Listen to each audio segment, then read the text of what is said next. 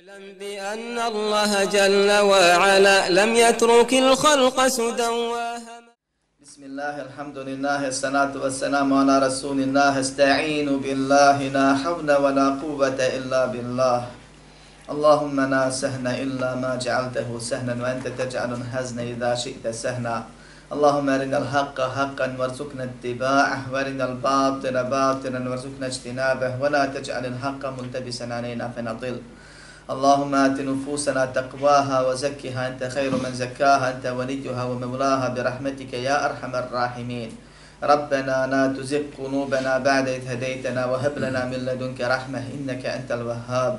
اللهم اجعلنا هداة مهتدين غير ضالين ولا مضلين يا أكرم الأكرمين.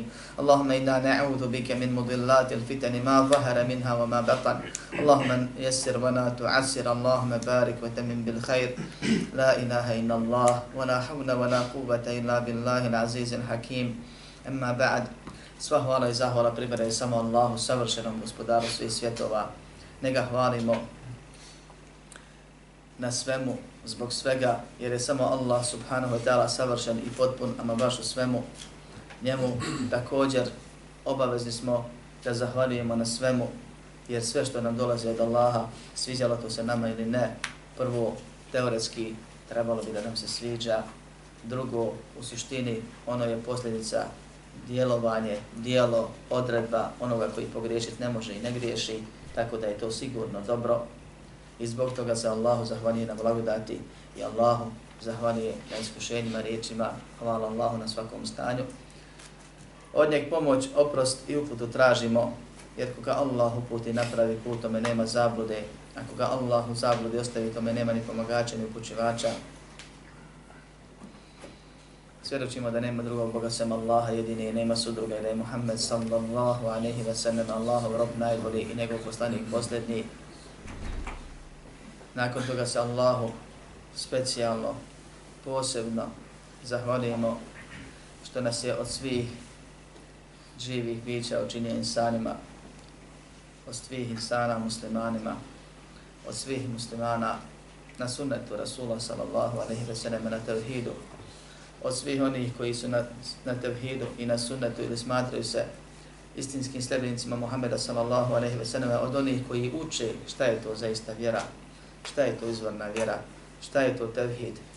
Kojeg Allah najviše voli, jedina karta za džennet, i šta je to sunnet, jedini ispravan način primjene tevhida. Molim Allah subhanahu wa ta'ala da nam sačuva našu uputu, da nam poveća vjerovanje i uputu, da nas pomogne da ustrajemo i da dok živimo sebi i drugima dobro činimo. Molim Allah subhanahu wa ta'ala da uputi nas, naše porodice, potomke, naš narod, na pravi put i da nas učini sebom upute.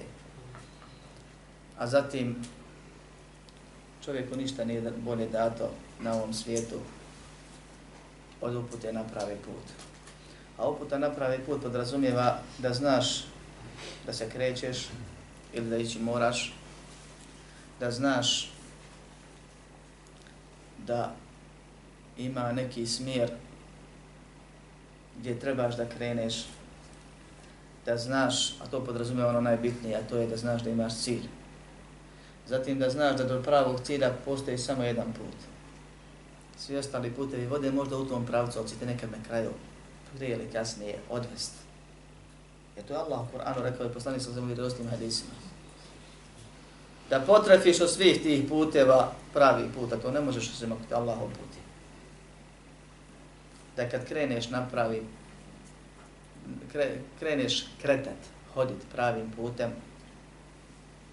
svaki korak kojeg staviš, osjetit ćeš ga dobro. Jer pravi put je trnovit. Pravi put je širok, jest prav, ima jasne putokaze. Jasan je, kao što kaže poslanik sallallahu a ne o tome smo govorili više puta. Ali isti taj poslanik sallallahu a ne kaže huđibeti naru bis šahavat, wa huđibeti džennetu bil mekare. Put do vatre je pre, prostrt, zastrt, u žicima, strastima. Čefiš, čefiš, čefiš i u džehennemu vječno zaglaviš. Lako. I put do, džehen, do dženneta je prekriven neugodnostima. Onom, onim što čovjek mrzi ili prezire, što mu je teško, teško će. Mekari, ono što čovjeku je mrsko. I zato onaj ko zna šta mu je cilj, zna da se isplati tražiti pravi put, na kakav on bio.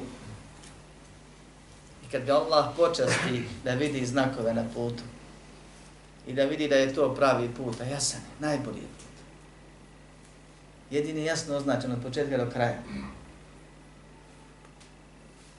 I kad krene tim putem pa ga ubode ili pogodi ili nešto vuče ili nešto mami, neće odustati. Biće mu slatko makar teoretski, ako ne u praksi, jer bol boli. Neugodnost je neugodna. I tako dalje, to je normalno. Ali mi svakako zbog bezvrednijih stvari, privremenih stvari, gorih stvari, nekad i štetnijih stvari trpimo neugodnosti. Samo zato što nas je neko ili sami sebe smo naložili da to trebamo činiti u momentu.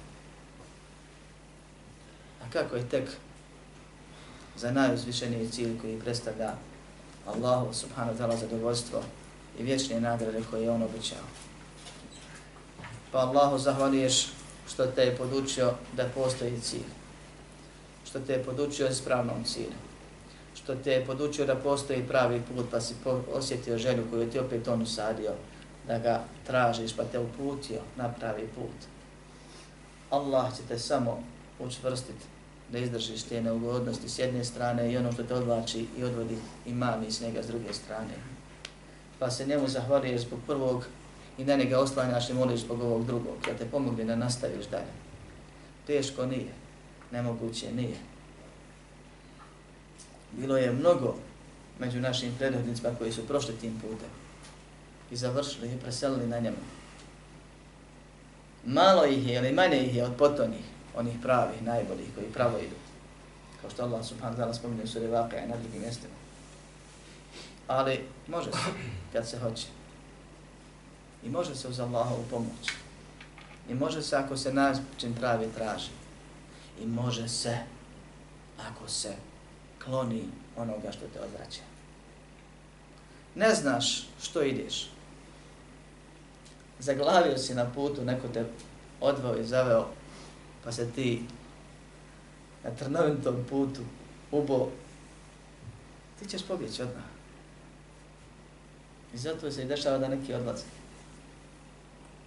A mnogi drugi dolaze, alhamdulillah. Ne znaš da se isplati. Pa ti ono sitno postane jako i teško. Ono sitno što je mrsko, jer prostrto je to. Nije to nešto što moraš da se penješ, ti to gaziš. Pa. I možeš prijeći preko toga ako hoćeš za Allahovu pomoć. Ali ako ne znaš cilj, ne znaš da se isplati, ti odustaneš i povučeš se. I gdje ostaneš? Na Dunjaluku, koji je smetlište historije. Dok si živ, zalijepiš se za njega, a on je siđnul mu'mini u džennetul kafir, ovakav kakav jeste zatvor za vjernika, džennet za nevjernika, a jedan je džennet ako je ovo džennet. Jer nema, nema nikog na, ovog svijet, na ovom svijetu da stalno uživa. Da nema nikakvih problema i balaja, jer se ne mora žrtvati, truditi, raditi, boriti i čuvati, plaćati, strahovati. Ili da ne izgubi ili da ga nešto drugo ne zanesi. Jedan je to džennet ako je to džennet. I mi ne želimo ovaj džennet, mi želimo pravi džennet. I kad sve ovo prođe, a proći će brzo, puno brže nego što mislimo. Isto kao što nam je prošlo ovo života što je proteklo. Okrenite se za sebe, pogledajte. Koliko god godina da imaš, brzo ti je prošlo. Isto će ti tako proći ostatak. Prvo, niko ti ne garantuje da ćeš živjeti duboko u starost, a drugo, koliko god da doživiš, lako proći. I onda slijedi vječni džehennem, za kojeg njegov stvrtelj, koji ga najbolje poznaje, kaže da je grozno boravište vječan, a grozan. Patnja na patnju. Ispod njih naslage vatre, iznad njih naslage vatre. Okovani u lancima, vatrom mučeni i još drugim stvarima. Znam. nešto od onoga što nas je Allah podučio o džahennemu. Dovoljno nam je da, se, da bježimo od njega kao najvećih straha i najvećih problema. Da bi čovjek ušao u džennet, mora postići Allahovo zadovoljstvo. I zato je to veći cilj od samog dženneta. Da bi čovjek promašio džennet, mora izgubiti uputu. Da bi čovjek zaglavio džehennemu, makar bio vjernik, a dugo se boravi ako se u njegu uđe, da nas Allah sačuva, mora potrošiti ono što mu je Allah dao, ali ne u potpunosti. Mora umrijeti malog imana. I zato je nužno da znamo šta je iman i kako se povećava i šta ga umanjuje. Iz dva bitna razloga. Prvo, sve ono braćo moja što se umanjuje, ako se dovoljno dugo umanjuje, možda se potroši i da nestane. Možeš da izgubiš. A vallahi, ako izgubimo iman, izgubili smo sve. A pobiti od života ne možemo.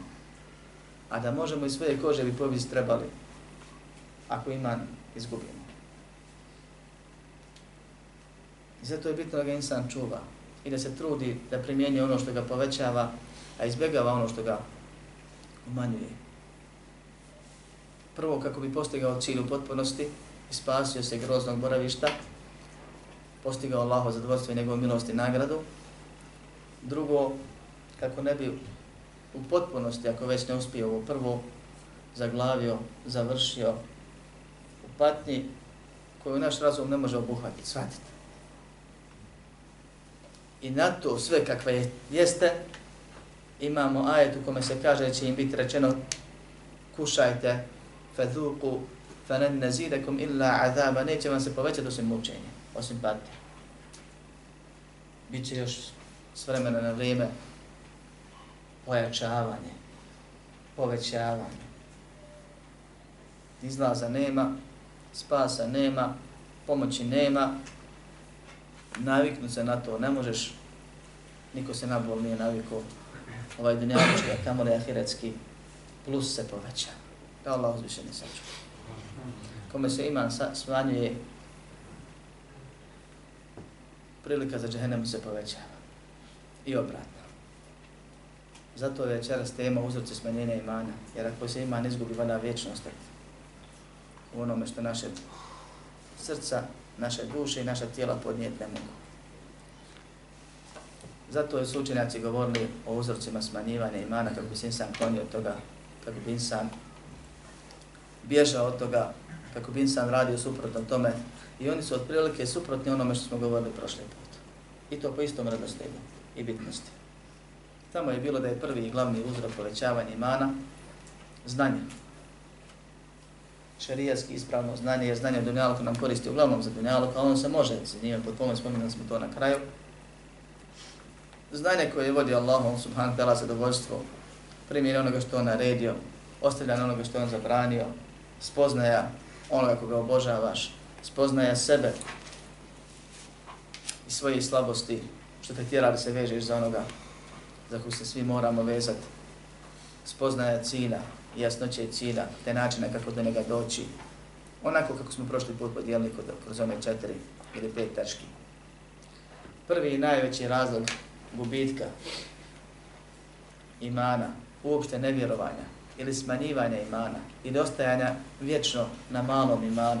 Cijeli život ti prođe, a iman ko mala lampica, nedovoljna da si rad prijeđeš s njim. Je neznanje neznanje o Allahu, neznanje o svrhi postojanja, neznanje o cilju, neznanje o tome kako do cilja doći, neznanje da postoji pravi put, da nisu svi putevi pravi, ispravni, neznanje o osobinama pravog puta, neznanje o sljedbenicima onih koji su na pravom putu, neznanje o tome šta Allaha zadovoljava, šta ga srdi, neznanje o toga da Allah ima osobine da se srdi zbog nekih stvari, i da je zadovoljan i da voli druge stvari i sve ostalo. Jednostavno mi smo stvoreni da Allah ugodimo tako što ćemo samo njega obožavati i samo u njega ispravno vjerovati. I ako to postigne, on nam daje nešto što nikad ničim ne bismo mogli postići za rad, da nam svi drugi daju ne bismo mogli dobiti. to je vječno uživanje u njegovom zadovoljstvu, prepuno razno raznih užitaka koji se opisati ne mogu i zamisliti ne mogu. Ima ono što oko nije vidjelo, ovo nije čulo i razum ne može zamisliti. To se postiše tako što ćemo biti bogobojazni. Kao što Allah kaže u prvoj naredbi, u prvoj zabrani između. O ljudi, obožavajte samo svog gospodara, onda nabraja neki od njegovih dijela, pa kaže da biste bili bogobojazni i onda spominje dalje, na kraju ne činite mu nikoga ravnim, a vi znate. Prva naredba obaveza obožavanja samo Allaha, to je tevhid. Prva zabrana širk, između toga srž svega toga je bogobojaznost. Bogobojaznost znači s ciljem udovoljavanja Allaha, Allahu, ili zadovoljavanja Allaha, izbjegavanje njegove kazne. To, su cilj, to je cilj. Činite ono što je naređeno i ostavljate ono što je zabranjeno. I koliko insan zna cilj i ubjeđen je u njega i žrtvuje se za njega i čini naređenog i kloni se zabranjeno, toliko je bogobojasniji. I toliko je sretniji i uspješniji na ovom i na onom svijetu će bolje proći. Da bi postigli ovo, mi smo to stvorili zbog ovoga. Nije kratko, nadam se da je jasno. Či da udovolim Allahu i spasim sebe. Tako što ću se završavati naređeno koliko mogu i klonim se zabranjeno koliko mogu. I što više to uspijem, to ću više bolje postići Da bismo to postigli, moramo spoznati i znati o Allahu, moramo znati o sebi, moramo znati šta Allah voli, s čim je zadovoljan, moramo znati šta Allah ne voli, s čim nije zadovoljan, šta ga srdi, kako bismo jedno izvršavali, drugoga se klonili. Moramo imati raznorazne motivacije drugi, a podrazumijeva znanje o njima kako da to uradimo, jer to je teško, suprot naše duše, našem nesu, kao što ćemo govoriti. Moramo znati po pitanju onoga što Allah naređuje ili s čim je zadovoljan ili što nam je propisao u pohvalnom smislu, kako, koliko, kad, ko treba da to čini, nisu isti propisi za muškarce i žene, nisu isti propisi u određenim danima, noćima, mjesecima i tako dalje, nije isti broj rekiata u namazima. Sve ovo podrazumijeva da nešto moramo znati. Neznanje po pitanju svega ovoga ili jednog detalja automatski nas isključuje iz toga. I zato je neznanje najveći problem kad je u pitanju imanja. Jer imanje objeđenje riječi i djela. Moraš znati tu što trebaš biti ubijeđen. Moraš znati šta, kad, kako, koliko trebaš govoriti. Moraš znati šta trebaš raditi, kad trebaš raditi, koliko trebaš raditi, ko kad treba raditi, tako dalje. Ovo ako ne znaš, ili jedan od dio od ovoga ti nisi udogodio Allahu po tom pitanju. Ti nisi povećao svoj iman, naprotiv umanio ti se onoliko koliko toga nedostaje.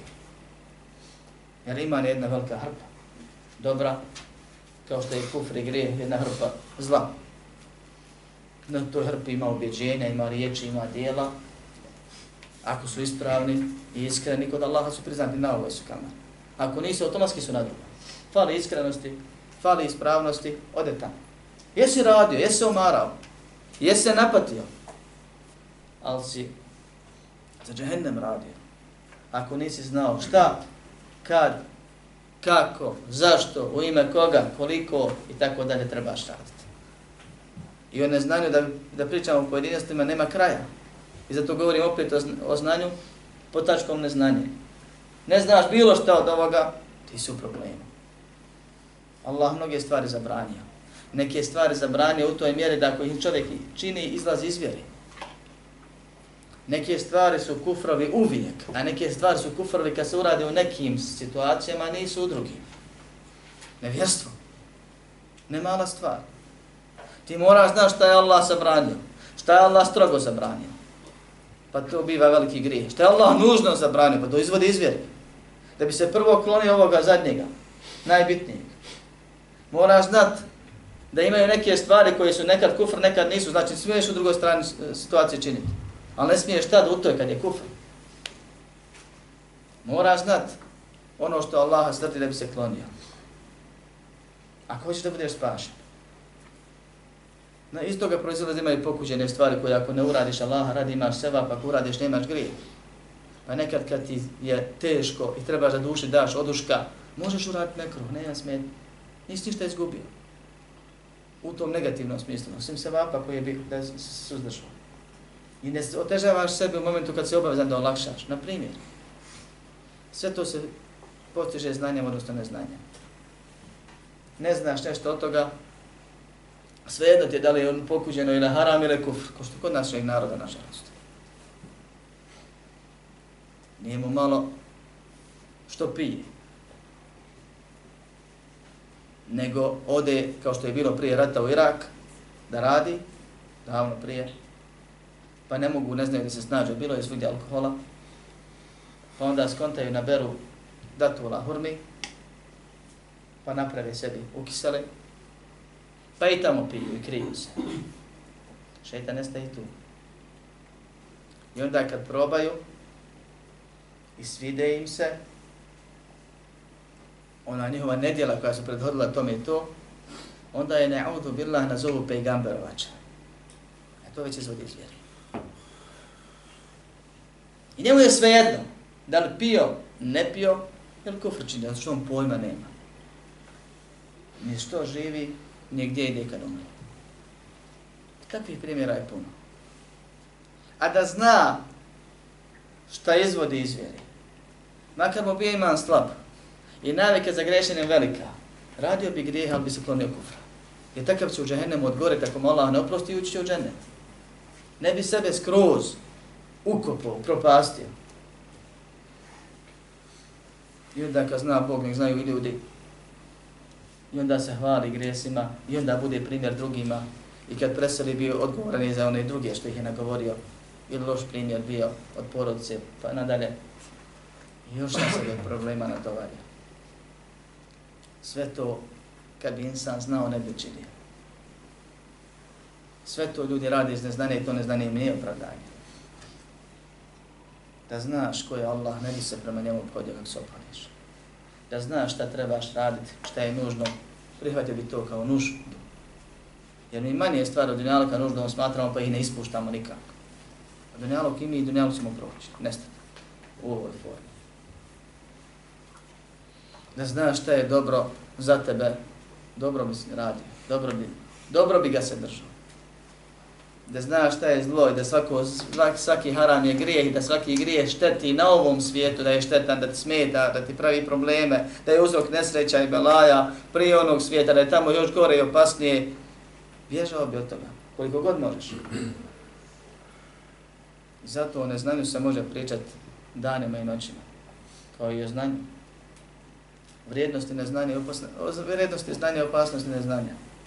I ovo je, mislim, dovoljno samo, zato što ima ubjeđenje i riječi djela i ti ne možeš biti ispravno ubjeđen, ispravno govoriti, ispravno djelovati ako ne znaš ono što je nužno da znaš po tom pitanju.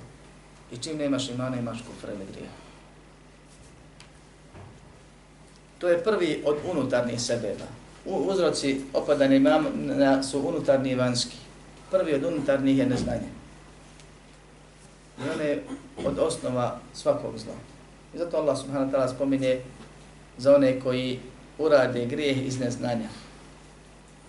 To ne znači nisi znao da je grijeh, takvima je uglavnom to smatra greškom ako, su mogli, ako nisu mogli znati, nije pravi se kao grijeh. Nego u tumači Kur'ana kažu kogod uradi grijeh, uradi ga iz neznanja. Uradi ga iz neznanja. Da je svjestan kome griješi, koliko ga srdi, kolike je sebi probleme pravi tim, tim grehom kojeg on smatra malim ili običnim ili normalnim, da se tako izrazim, ne bi pristupio njemu, ne bi mu se približio. I to je neznanje koje je spomenuto u ajetu.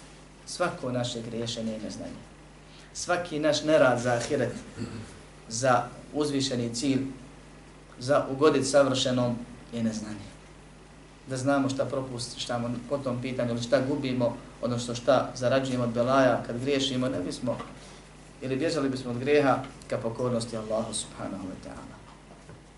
Drugi sebeb koji učenjaci spominu od unutarnjih sebeba. A nije nepokornost Allahu subhanahu wa ta'ala. A nime se i tekako iman umanjuje je gaflet, nemar, i'rad, okretanje, nezainteresovanost i nisjan zaboravljanje na ono što sam malo prije spomenuo. Na Allaha, na cilj. na sebe i stane oko sebe svoj život suštine. Ovo ne znači vezanost, odnosno trud u radu za dunjalog. To isto od sebe, pa radit ćemo kasnije. Ovo je ono što prethodi tome da se ti pozabaviš prolaznim, a ostaviš vječno. Prvo se u srcu stvori žena za nečim nebetnim, a zaborav bitnog. Do te mjere da neki, kao što Allah kaže, zaborave na Allah, pa Allah da da zaborave na sebe, to je zaborave radi za sebe. Ili Allah njih zaboravi, kao što je došlo u ajetu drugom, to jest postavi se prema njima kao da ih je zaboravio pute, zaboravio pomoć i na ahiretu će ih zaboraviti, spasiti od džehennema. To jest neće se obraćati pažnju na njih uopšte. Jer nisu htjeli sebi dobro, pa ih niko neće natjerati. Ni gospodar svjetova, ni. Kad god zaboraviš za Allaha i na Allaha, zaboraviš na ahiret i njegovu vječnost, zaboraviš na dunjaluk njegovu prolaznost, zaboraviš na svoju ovisnost, kad god ne misliš o tome, tačnije, kad god se okreneš srcem ka nečim drugim, toliko ćeš se udaliti od ahireta i toliko će ti zbog samog tog osjećaja u srcu opadati iman. A kasnije ćemo malo detaljnije od dunjalog. I zato Allah subhanahu wa ta'ala kaže وَقَدْ ذَرَعْنَا لِجَهَنَّمَ كَثِيرًا مِنَ الْإِنْسِ وَالْجِنِ Mi smo za Jahannam stvorili mnoge džine i ljude. لهم قلوب لا يفقهون بها ولهم أعين لا يبصرون بها ولهم آذان لا يسمعون بها إما يسرca kaže ne razmišljaju ne kontaju njima jer se konta srcima imaju oči ne vide imaju uši ne čuju vide oni čuju ono što treba što im koristi vječno ne vide i ne čuju ne shvataju Ulaike kel en'ami bal hum adal. Takvi su kao stoka, čak su i gori, kaže uzvišeni. Jer stoka, braćo moja, bez obzira što živi, samo da jede, pije i razmnožava se, to je cilj, to je svrha. Ona radi za svoju svrhu. I većinom izbjegava stoka ono što je šteti. Osim ako ne zna šta se krije tamo kao zamka.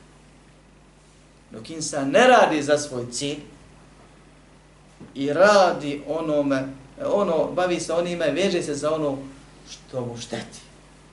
I hrli onome što mu šteti. Uništava sebe. Pa su ko stoka, zanima ih hran, jest, pit, pon, općit, i gori su, ja sebe propuštavaju na ovom svijetu prije ahireta. Što? Sve ovo. Na kraju ajta odgovor. Ulaike humul gafilun, takvi su nemarni. Nemarni. ومن أعرض عن ذكرك لو pitanje zainteresovan su krtane glave, ko okrene glavu od knjige moje, fa inna lahu ma'išeten danka, teškim će, tjeskobnim životom živjeti. Ne zanimate, nemaš ti vremena da razmišljaš. Nemoj me plaho preparat, kaže. Nemoj mi o tome pričat. Gde vi popravite malo ovo što mi vidimo, pa onda tamo dođeš na kraju do stepena kod Konfučija, kad su ga pitali za Boga i za onaj svijet, kaže, nismo ni ovaj svijet eh, još razradili, pa da mislimo onom tam. Mislit ćeš i tekako, čim vidiš meleka smrti. I molit ćeš da ti se vrati, ali kasno.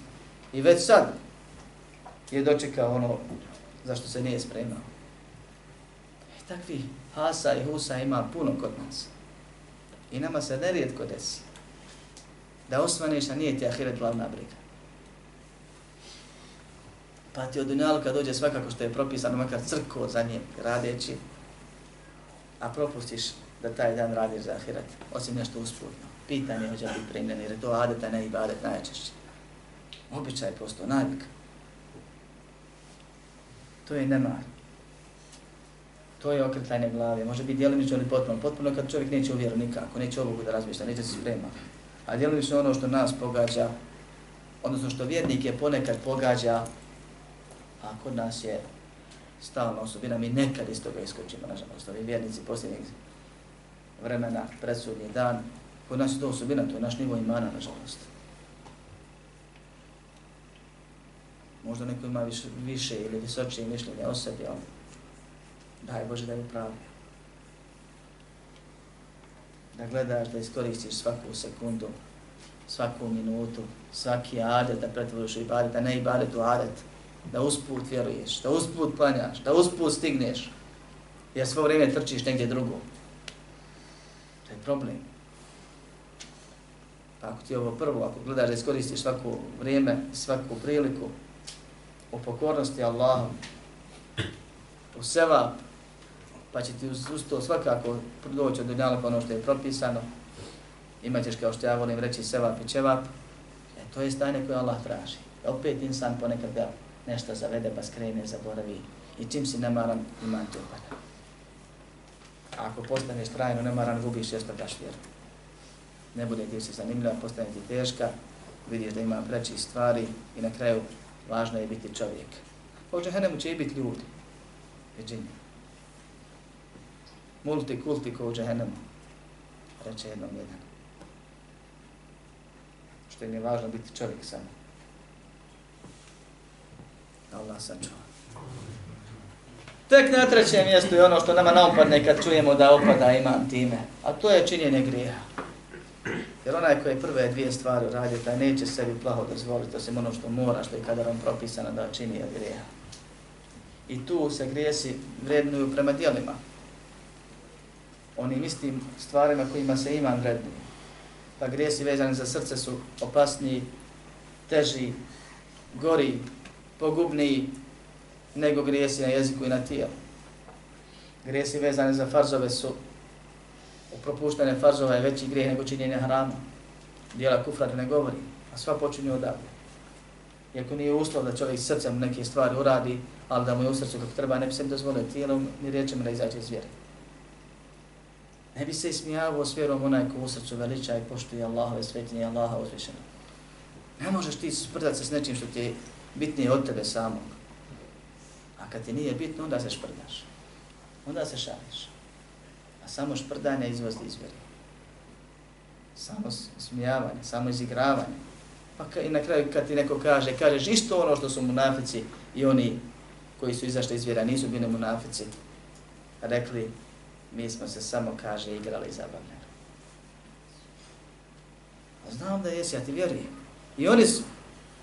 Allah kaže, ne izvinjavajte se, izašli ste iz vjere nakon što ste vjernici bili bade imanikom i bade islamikom. Nakon što ste bili muslimani, nakon što ste bili vjernici. Ubrzo dolazi da ajte jedan za drugim. U istoj suri. Nisi ni mu'min ni muslimaniš. Upravo to što si se zezo, zabavlio, šalio, igro. Jer da je ovdje bilo kako treba, ne bi sebi dozvolio. Ljudi vole nešto od Dunjaluka ili nekoga od Dunjaluka, pa ne daj, nemojte ne. Nemojte mi na nek. Tako je tek sa najvećim svetinjama ove vjere. I zato kažem, srce je najbitnija stvar, kao što su najkorisniji i najsevapnija dobra dijela dijela srca, tako su i najopasniji grijeci, oni koji su u srcu i to je izvor svakog kufra i nevjerstva. I zatim svake druge propasti. A onda idu dijela tijela i riječi.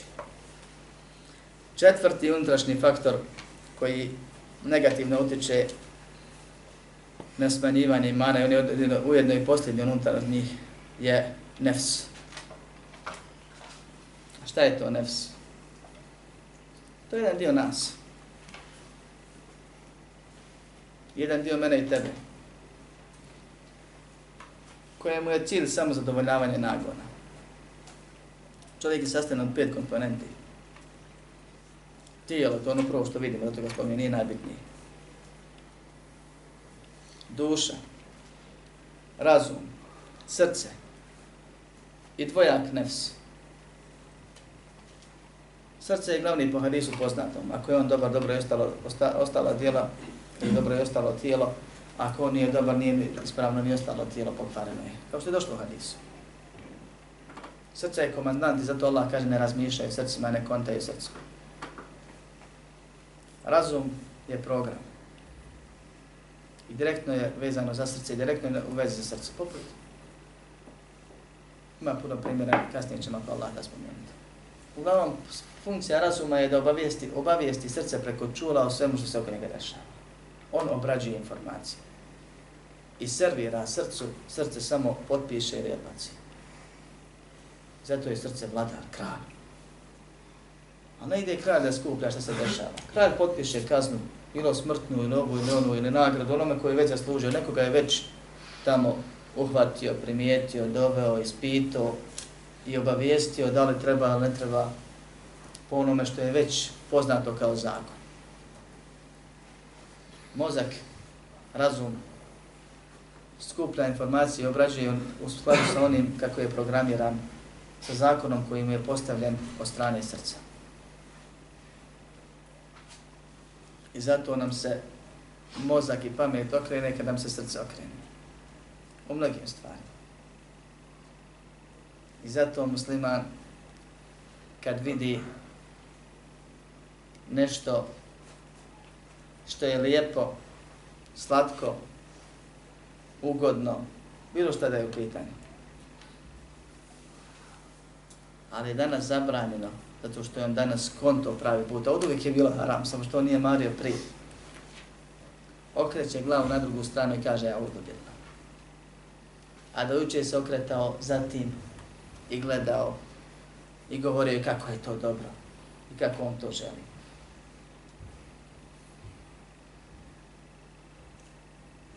ta stvar je i jučer bila dobra i danas je dobra. Ta stvar je kod Allaha jučer i danas za tebe bila zabranjena. Jučer nisi bio na pravom putu, srce je bilo bolesno, težilo ka tome, razum preko čula snimio tu stvar, poslao poruku srcu, srce kaže okrence, se, traži. Danas, kad je Allah srce uputio, zakon se u razumu promijenio. Razum šalje poruku opasnost, okreni se srce narađuje, ako je zdravo pa se insan okrene, a ako je bolesno ima vjernička srca su bolesna. Dok ne ozdrave, dok ne stasaju, onda čini grije, ali zna da je grije, pa osjeća o sebi nelagodu. Drugačije radi, ne okreće se ko prije. To je otprilike veza srca i razuma. Tilo je tilo, ono radi što mu se kaže. Duša, kao četvrta komponenta je hartija mjesto onoga što se slaže ili skladište onoga što uradi tijelo preko razuma po naredbi srca. I zato se duša može da očisti i da zaprlja i da ukrasi i uljepša. To su prilike termini koji se došli u šarijetu. Dakle, kad pišeš po duši ili kad slažeš u njoj, možda slažeš dobre stvari pa da ona bude lijepa, ili da stvari, slažeš loše stvari, ili da se pokaješ pa pobrišeš, pa popraviš i tako dalje. I nakon raju kako je predamo Allahu, tako će Allah ocjenjiva. Duša nije kriva ničim. Duša kao duša, ruh. Nju Allah iščupa, prijeđe iz formu uz formu, spoji je s tijelom poslije na onom svijetu ponovno, insan odgovara tijelom dušom. Ali u duši ima dio koji se zove nefs. I kao što govori učenjaci Ibn Kajim i drugi, postoje dvije vrste nefsa. Jedan je poput malog djeteta. Plače kad, nije, kad ne dobije ono što mu trenutno treba. I to je taj nefs koji je problem za čovjeka i stvoren mu kao iskušenje. To je dio mene i tebe koji hoće da zadovolji samo ono životinsko. Trenutno zadovoljavanje potreba. Bez obzira da li to halal ili haram bilo on vrišti i traži. Gladan sam, žedan sam, hoću to i to, treba mi to i to i tako dalje. Ima drugi nefs u čovjeku koji je zadovoljan samo sa onim što Allaha zadovolja. I on se buni. I ta borba između dobra i zla, rat i mir u insanu, stalno su prisutni.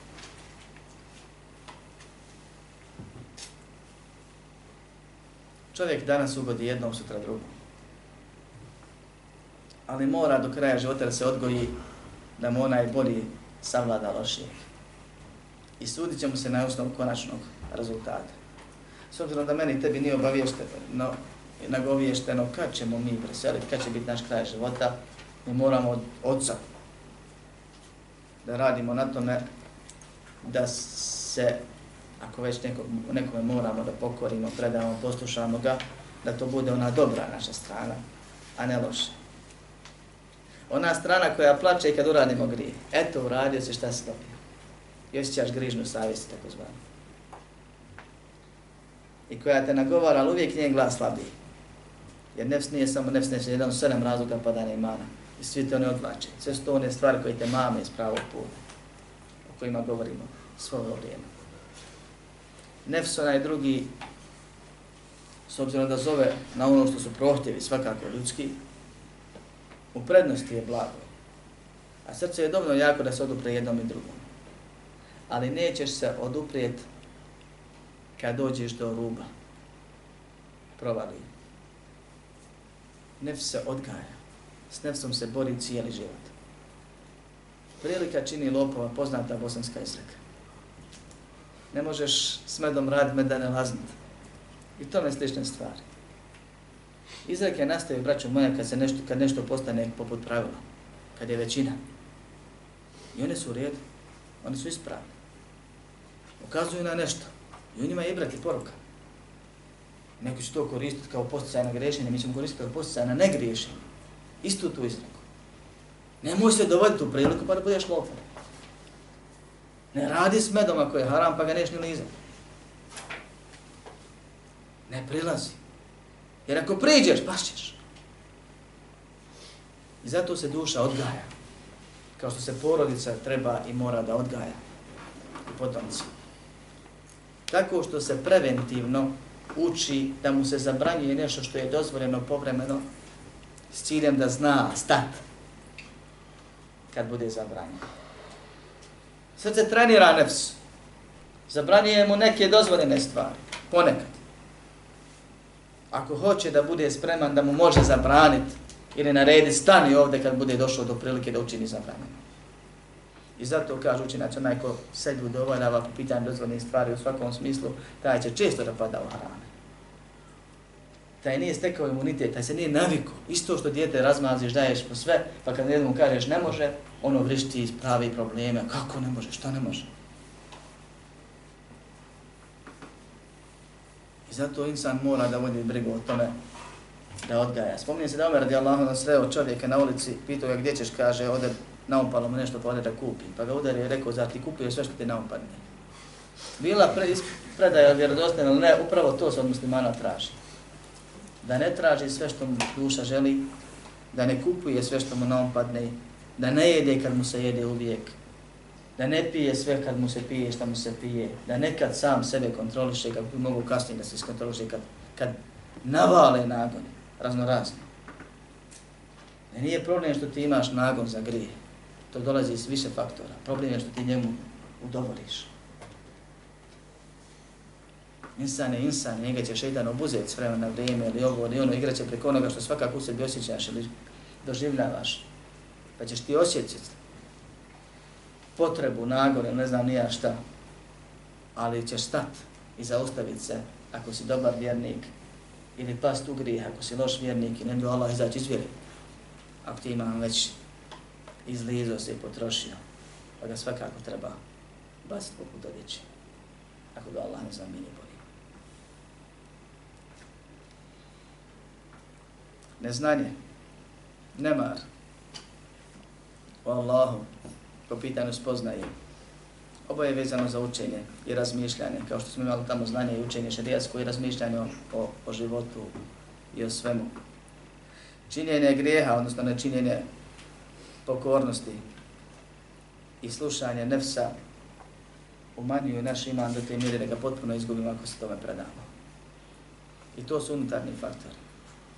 Tek onda prostoji ili predstoji borba sa onim koji su oko nas, a nisu nam ovo, sve naše. Mi smo krivi za svake dva četiri.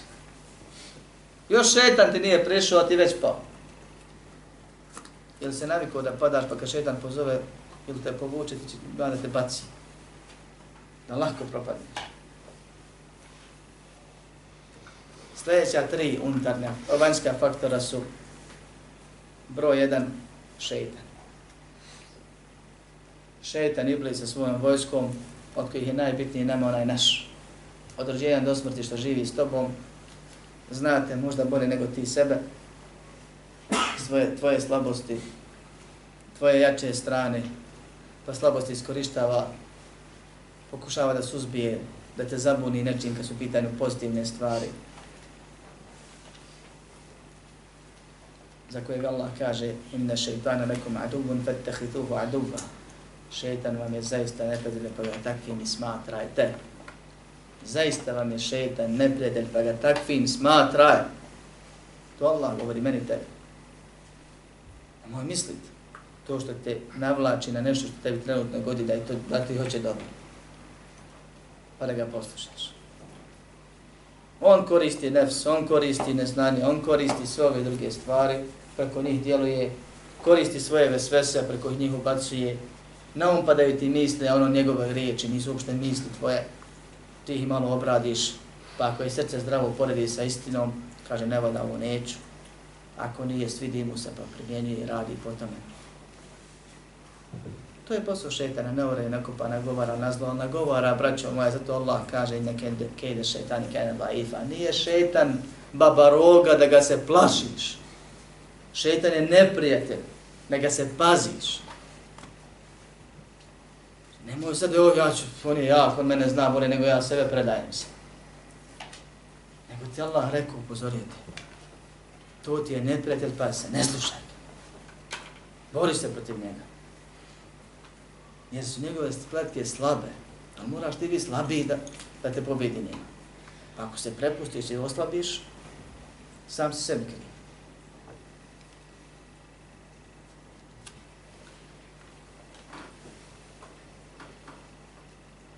O smo govorili puno kad smo radili komentar E, kroz Fatihu, ko hoće detaljnije nek pogleda, nemamo vremena da se zadržavamo.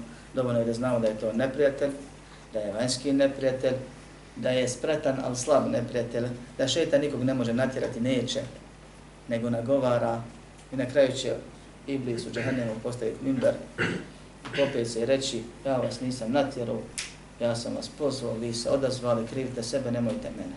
Kratko. U ajetu što je došlo. I upravi potom. Istinu je rekao, jako je veliki naš. Koje god šeitan nagovori, ne krivi sebe, na šeitan. Allah te upozorio, on te pozvu, ti se odazvoj i kasnije on krivi. Nije Bog. Sljedeća stvar, koja je od najvećih neprijatelja puta ka džennetu i Allahovog zadovoljstva, je ništa drugo nego ovaj lijepi naš dunjalog. Dunjalog sa svim svojim ukrasima. Dunjalog kao mjesto iskušenja, privremenog boravka. U men hajati dunja fil ahireti illa meta' Allah se pita koji znaš podučava. Šta je dunjalog u odnosu na ahiret osim stvarčica, užitak, prolazno uživanje? Meta' je roba ljudi. Ljudi koji kupuju i trguju i spremaju, ne znam nija šta, kupe robu da proda, kupe robu da koristi, ne kupe robu radi robe, da ju robuje. Ne pravi od robe raba. I dunjaluk je roba. Mjesto. Zatvor. Zamisli čovjeka, u hadisu pisano je zatvor za vjernika. Zamisli stane zatvora gdje on počne komati, kopati temene sebi u ćeliji. Hoće kuću da pravi. Pa Hoće tu grob da pravi se. Hoće tu da ostane, tu mu lijepo. Ili jedva čeka da izađe. Mi se vežemo za zatvor. I toliko se vežemo za zatvor da bi htjeli da nemo i ostanemo. I niko smrt ne voli. I nikad spremni ne odemo s ovog svijeta.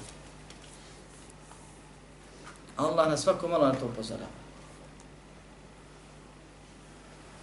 Ko se sveže za dunjalog i prepusti njemu, to je staro i nagizdano i prostituti, kao što je upisuju učenjaci, dunjalog, provalit će se i propašće kata. a izgubit će ahiret. O dunjalu se može dugo govoriti, pričati, a najbolje je rekao Hasan al-Basri, rahimahullah, kad kaže razlika između dunjalu i ahireta koji, istoku, koji između istoka i zapada. Kad god jednom ideš, ili koliko god se jednom približiš, toliko se od drugog udariš. Koliko god se vežeš za istok i krećeš ka istoku, toliko bježeš od zapada. pa ti izaberi gdje ćeš. Jel ti cilj da ostaneš ovdje, a ostati ne možeš, i ti dunjalu će te propast. I slijedi džehennem koji radi za dunjalu, radi za džehennem. Ili ti je cilj ahiret, a onda moraš da ostaviš i napustiš Isto kako ideš zapad ili zakup, pa tako ideš isto. Mi sve grijehe koje činimo i svako dobro koje propuštimo, propustimo i svaki naš posrtaj i svako naše slušanje i nefsa i šetana i bilo koga drugog od ljudskih neprijatelja je upravo zbog dunjala Mamite preko nečeg od dunjaluka. Za kojeg Allah kaže وَمَنْ حَيَاتُ الدُّنْيَا إِلَّا مَتَاعُ الْغُرُورِ Šta je dunjalučki život osim prolazno, varljivo naslađivanje? Koliko je bitan taj opasan dunjaluk? Govori dvije stvari. Bitan i opasan. Bitan je toliko da je došlo u hadisu da Allahu dunjaluk vredi koliko krilo mušice.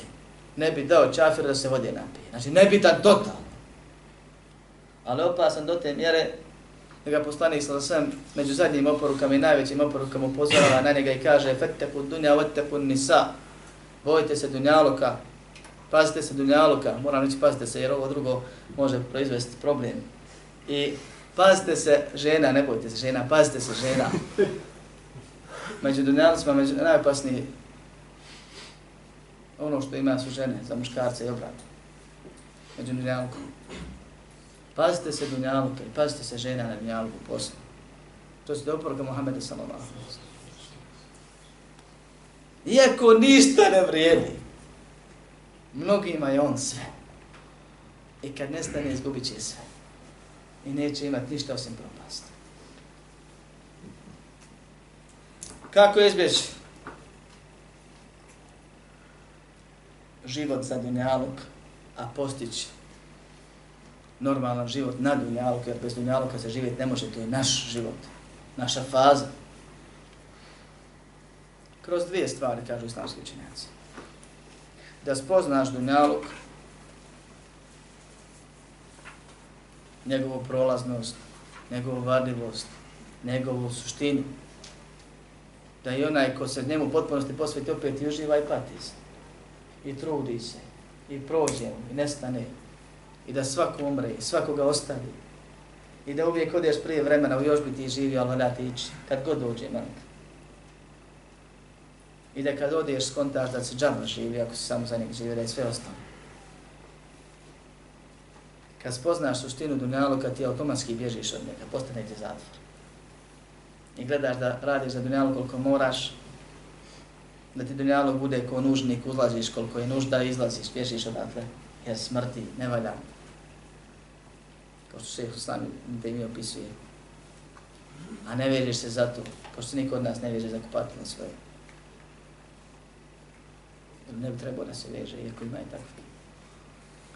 Nažalost. Druga stvar je spoznaje ahireta, njegove vječnosti ne tamo imaju samo dvije kuće. Kuća potpunog užitka, bez prestanka, gdje se užitak i ljepota povećava, gdje nema kraja, gdje ne znaš u momentu, iako znao mi teoretski, u čemu više uživaš, a ništa od toga nećeš da izgubiš, u svemu ćeš da uživaš. I kuća vječne propasti, belaja, nezamislivo opasnog, teškog, bolnog. I u jednu od te dvije ćeš da zapadneš. Ako se radio za ahiret, ideš u džennet vječno. Ako se radio za dunjalog, ideš u džehennem vječno. Dunjalog otišao, nesto, propu. Allah ga smrdio. A džehennem preostaje za one koji su radili za njega. Pa ako spozna bitnost ahireta i bezvrijednost dunjaloga, taj će se oduprijeti dunjalu ko se onoj mjeri koliko mu treba da preživi i ono što ima koristit će za ahiret. Jer već u mi od nafake ne možemo pobjeći. Allah je propisao nekome da bude odvratno bogat, nekome prebogat, nekome bogat, nekome manje bogat, nekome srednji, nekom da bude manje potreba, nekom više potreba, nekom da bude siromašan, nekom da bude ubogi siromah i tako će biti u jednoj od ovih kategorija si ti bježao od dunjaluka ili ne bježao, ti ćeš imati od dunjaluka onoliko kog ti Allah propisao, možda baš puno, ali ti neće biti ovdje nego ovdje. I koristit ćeš ga da, za onaj svijet koji je vječan i bolji. i uživat ćeš više u tome nego onaj ga troši na sebe. Ili na ono što mu šteti i upropaštava ga. Jer naše je ono što potrošimo i ono što udjelimo, i to ako smo halal potrošili, a sve ostalo što posjedujemo na računima, na drugim nekim mjestima ili drugim oblicima, ostaje našim nasljednicima. To je svakako nije naše, a bit ćeš odgovoran za to. Ako spozna suštinu dunjalka, radit će na dunjalku za ahireta, to je cilj. Od dunjalka pović ne može. Nije sramota ni grahota biti bogat. Sramota je da to bude cilj, a ne na Allahovu zadovoljstvo. I to bude uzrok propasti na vječnom svijetu. Da prodaš bezvrijedno za najvrijednije. To je sramota i to je grota i to je opasnost problema. Treća stvar koja se smatra bitnom opasnosti uzrokom za izlazak iz vjere ili umanjivanje vjere, gubitak ili smanjivanje imana su naši dragi jarani ako nisu ispravni. Loše društvo.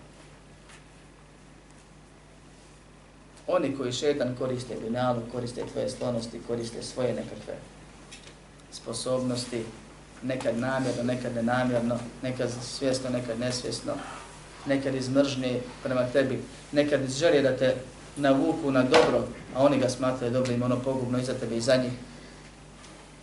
Loše društvo je jedan od velikih problema.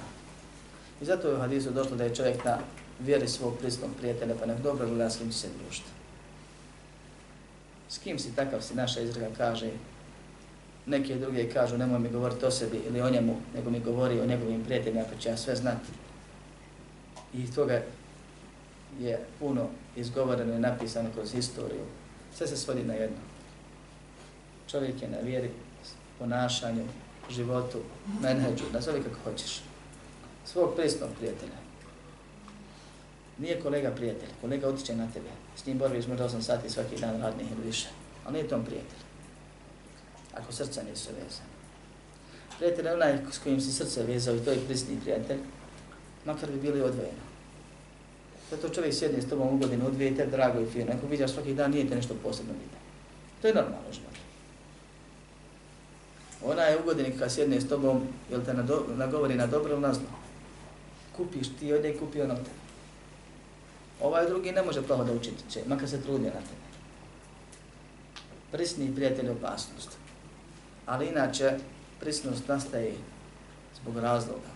Ako nema kontakata sa lošim ljudima, teško ćeš s nekim od njih biti prisan. Pa se tu presjeca i pute. I ovdje opet spominjem ono što sam spominjao ranije, dobar je i loš onaj ko na tebe utiče dobro, makar on za sebe bio najbolji ili najgori, odnosno loš isto tako. Dobar je onaj ko na tebe utiče dobro, makar on za sebe bio loš. Loš je onaj ko za na tebe utiče loše, makar on za sebe bio dobar. Postoje dobri ljudi koji na neke pojedince ne utiče dobro. Ometaju im, pravi im probleme, nasikiraju, rastuže i od takvih treba bježati. Oni kod Allaha bolji od tebe, a za tebe nije dobar, traži drugog. Postoje loši ljudi koji na tebe ne utiče loše i vratiš se od njih, ali to nije nama ostavljeno na procjenu, na nama je da bježimo koliko možemo i mogu od tebe, možeš da se okoristiš od loših od sebe ili od ravnih sebe ili od malo boljih od sebe ili od puno boljih od sebe. Ako ti koristi, dobar je, ako ti šteti, loši. Koristi šteta nisu na osnovu čefa, nego na osnovu Allahovih pravila. Ono što je haram, to je štetno i ono što, je, što te približava Allahu i ahirati, to je korisno. Veoma je bitno da insan bira svoje društvo. Veoma je bitno da insan ne umisli da ne može naći društvo, jer on tada je najgori.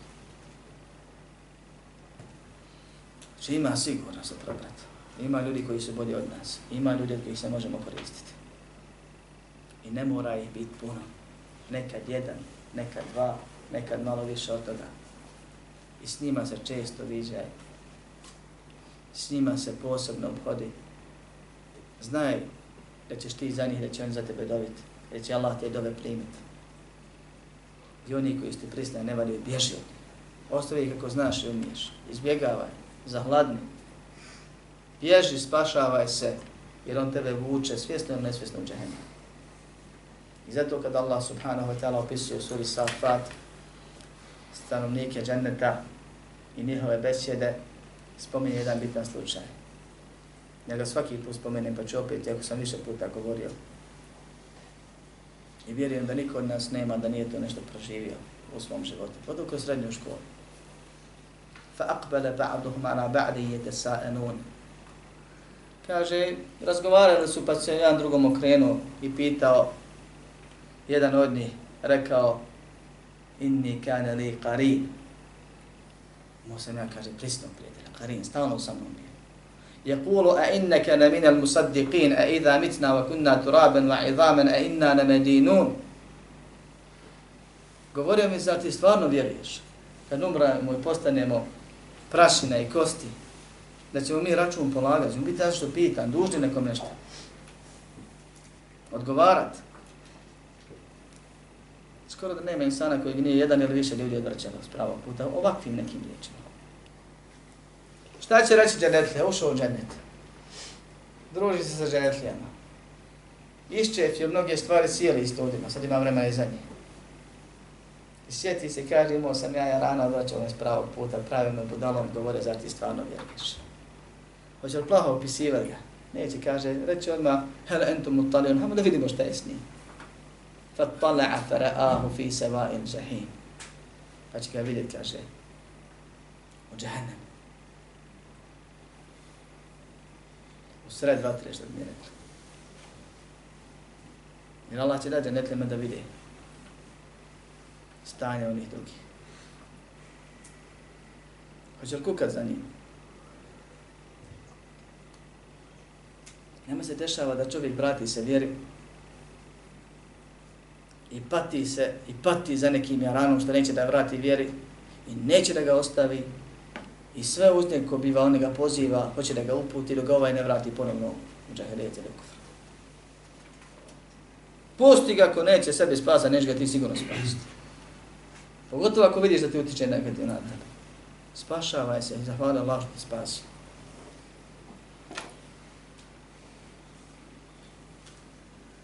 قالت الله إن كنت لن تردين ولولا نعمة ربي لكنت من المحضرين reći Allah mi umalo da me kaže strovališ sa svom.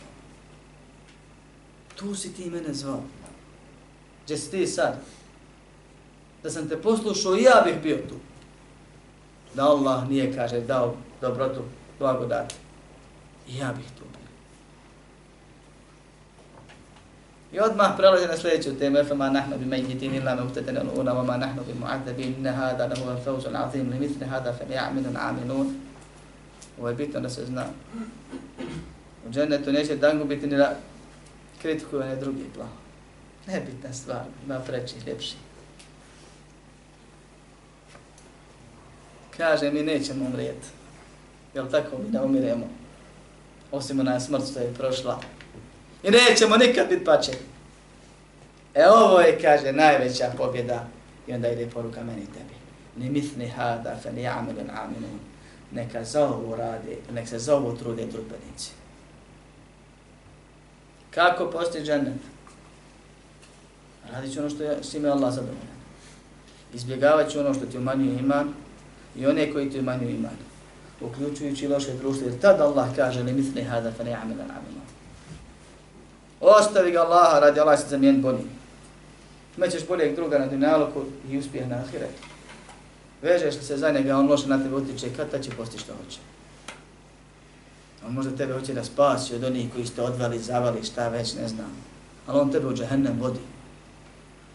Svjesno ili nesvjesno. I s kim si takav si. I nemoj misliti da si puno bolji. Probaj, pozivaj, sjedi, ne moraš prekidati sve kontakte, nije to sporno. Ne smiješ biti prisan osim sa onim koji je dobar, Allah radi i ko na tebe dobro utječe, jer ti si onakav kakav je onaj s kojim si prisan. Tako se tumači hadis kojeg se mi na početku. Priča o ovome. Da rezimiram, da rezimiram. Neznanje, nemar, grijesi, od najvećih do najmanjih, od onih srca, riječi i tijela, i nefs, ugađanje duši, prohtjevima duše, su unutarnji faktori koji nas odvode s pravog puta, umanjuju nam iman i ako se prepustimo, možemo ne do Allah skroz vjeru da izgubimo.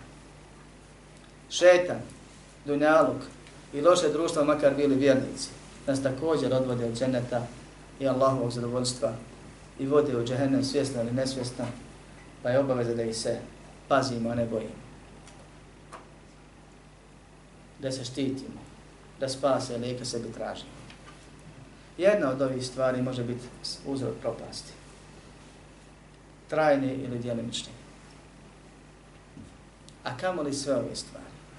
Insan je obavezan da se plaši, da se pazi, da bježi, da se štiti ili nazovite to kako hoćete, svih ovih stvari. Jer ovo su glavni uzroci opadanja imana ili gubljenja vjerovanja. Tu također spada nerad ili slab rad po uzrocima povećanja imana, od kojih su one tri najbitnije zadnje. Žrtvovanje za Allaho vjeru, rad u davi i ono što sam spomenuo prošli put na kraju, ko se ne sjeća, nek se posjeti. Molim Allaha uzvišenog njegovim imenima i osobinama da nam poveća uputu, poveća vjerovanje, obnovi i popravi naše vjerovanje onda kada se istroši. Da nas uzme sebi onda kada nam ima najveći, najbolji, najjači, kada je s nama najzadovoljniji On, svevišnji, da nam pomogne da ga iskreno, ispravno, ustrajeno, onako kako je On zadovoljan, vjerujemo, da se za njegovu vjeru žrtvujemo, da sebi i drugima dobro činimo, a zla se klonimo i na njega upozoravamo, da budemo od onih koji njegovu ljubav uživaju na ovom prijenog svijeta. Molim Allah uzvišenog, uzvišenog da nas sačuva od džahennema i počasti vrhovima dženneta. Amin. Walhamdulillahi rabbil alamin. اعلم بأن الله جل وعلا لم يترك الخلق سدى وهدى